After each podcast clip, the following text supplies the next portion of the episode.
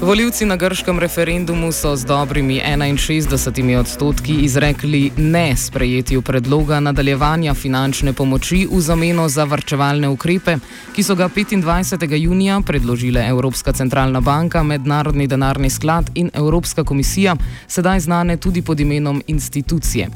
Udeležba na referendumu je znašala 62 odstotkov od približno 10 milijonov volilnih upravičencev, s tem pa je znatno presegla 40 odstotni prak potreben za veljavnost referenduma.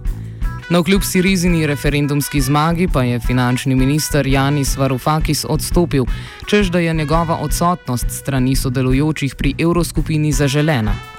Skupaj s premijejem Aleksisom Ciprasom naj bi zato presodila, da bo njegov odstop potroval k možnosti sklepanja čim ugodnejšega nadaljnega dogovora s posojilodajalci.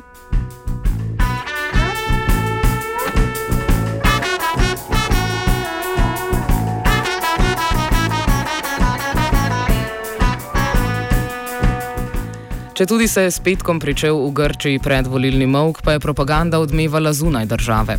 Poleg izjav nekaterih evropskih funkcionarjev, ki so napeljevali vprašanje grškega referenduma na vprašanje o izstopu iz evroskupine, je bilo slišati glas tudi strani podpornikov grške zavrnitve predloga institucij. Ti so na obeležitvi 70. obletnice nemške stranke Krščanske demokratske unije prekinili govor Angele Merkel z usklikanjem referendumskega slogana Ohi, kar v grščini pomeni ne. Pred glasovanjem pa se je medtem pricurljal tudi dokument provrčevalne grške stranke Nova demokracija, ki je vseboval napotila TV postajam, podjetjem za merjanje javnega mnenja in aktivnim podpornikom kampanje za sprejetje predlogov institucij.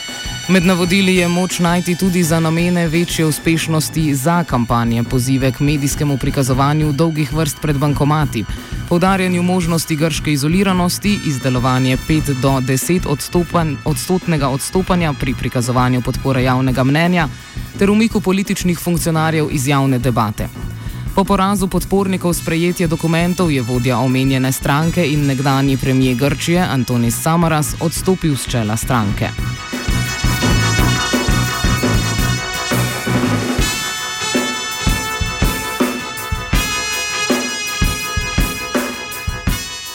V soboto so v palestinski Gazi odjeknili protesti podpornikov gibanja Hamas. Ti so zahtevali izpustitev 20 ljudi, ki so bili aretirani na Zahodnem bregu strani varnostnih sil palestinskih avtonomnih oblasti, na čelu katerega je palestinski predsednik in vodja gibanja Fatah Mahmud Abbas.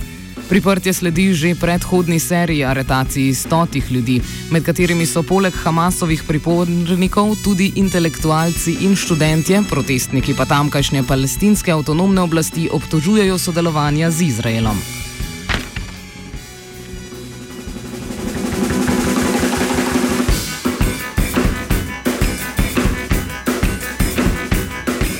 Protesti pa so odjeknili tudi v Izraelu. Največja množica, ki je štela na stotine udeležencev, se je zbrala v Tel Avivu, manjša zborovanja pa so potekala tudi v drugih delih Izraela.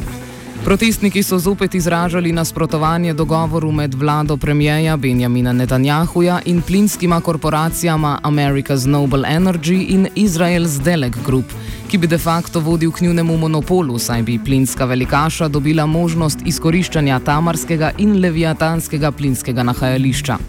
Spomnimo, da je bil pred tednom dni strani vlade zavrnjen predlog državne nadzorovalne agencije po omejitvi moči omenjenih korporacij. Glasovanje o dotičnem zakonu pa je bilo v ponedeljek odloženo zaradi manjka večinske podpore.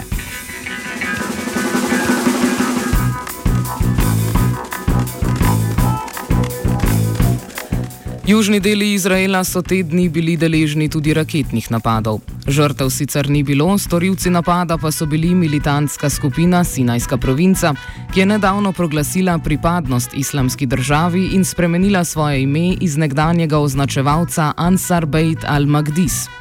Ti obtožujejo Izrael podporo egiptovski vojski, s katerimi so se minulo sredo spopadli.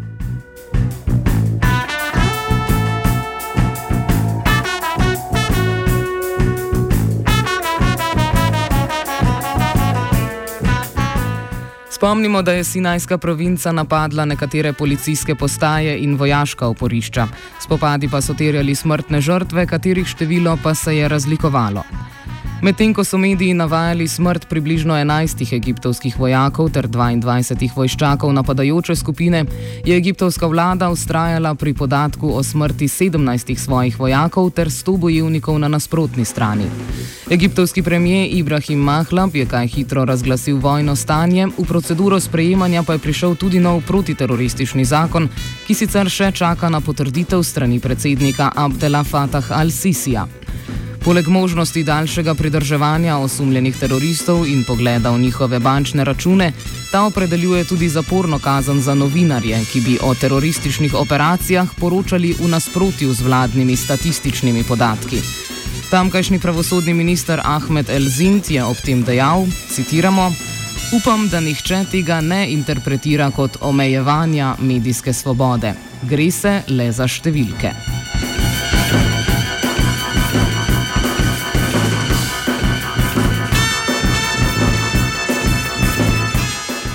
Wikileaks je razkril nove podatke o prisluškovalni aktivnosti Ameriške nacionalne varnostne agencije.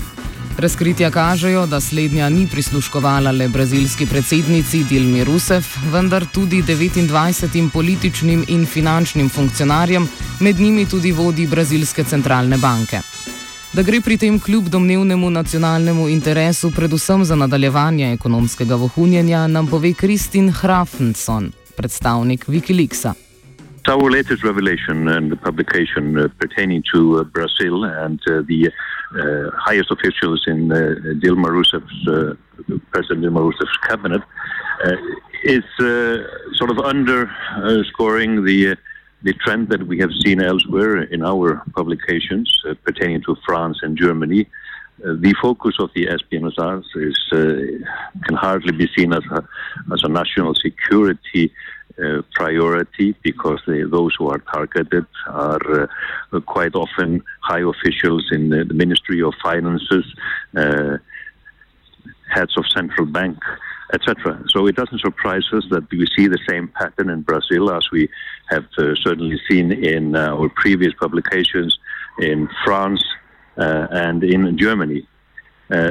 So, all in all, uh, this is a further proof of uh, what is going on uh, systematic mass spying on uh, important top officials and elected officials with the aim of uh, gathering, among other, economic information. So, this is uh, economic espionage. Slovenia will try to help. We can. Slovenia will. And we will. Do our utmost to solve our problem ourselves. And we will. Make further steps as soon as the conditions are met. News from Slovenia. We know how and we will.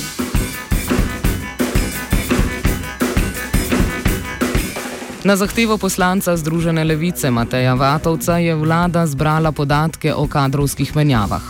Sledeč objaviti od 18. septembra lani na ministrstvih, organih v njihovi sestavi ter vladnih službah štejejo 42 imenovanj in 28 razrešitev, od katerih je bilo 40 imenovanj in razrešitev opravljenih po 83. členu zakona o javnih uslužbencih, ki opredeljuje možnost razrešitve funkcionarja tekom enega leta po nastopu funkcije. Medtem je bilo pri pravnih osebah, katerih ustanoviteljica je država in v kateri so všteti direktori, člani svetov javnih zavodov in nadzornih svetov, naštetih 157 imenovanj in 58 razrešitev.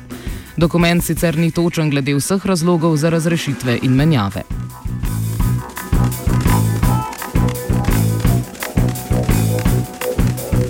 OF je pripravil Tit.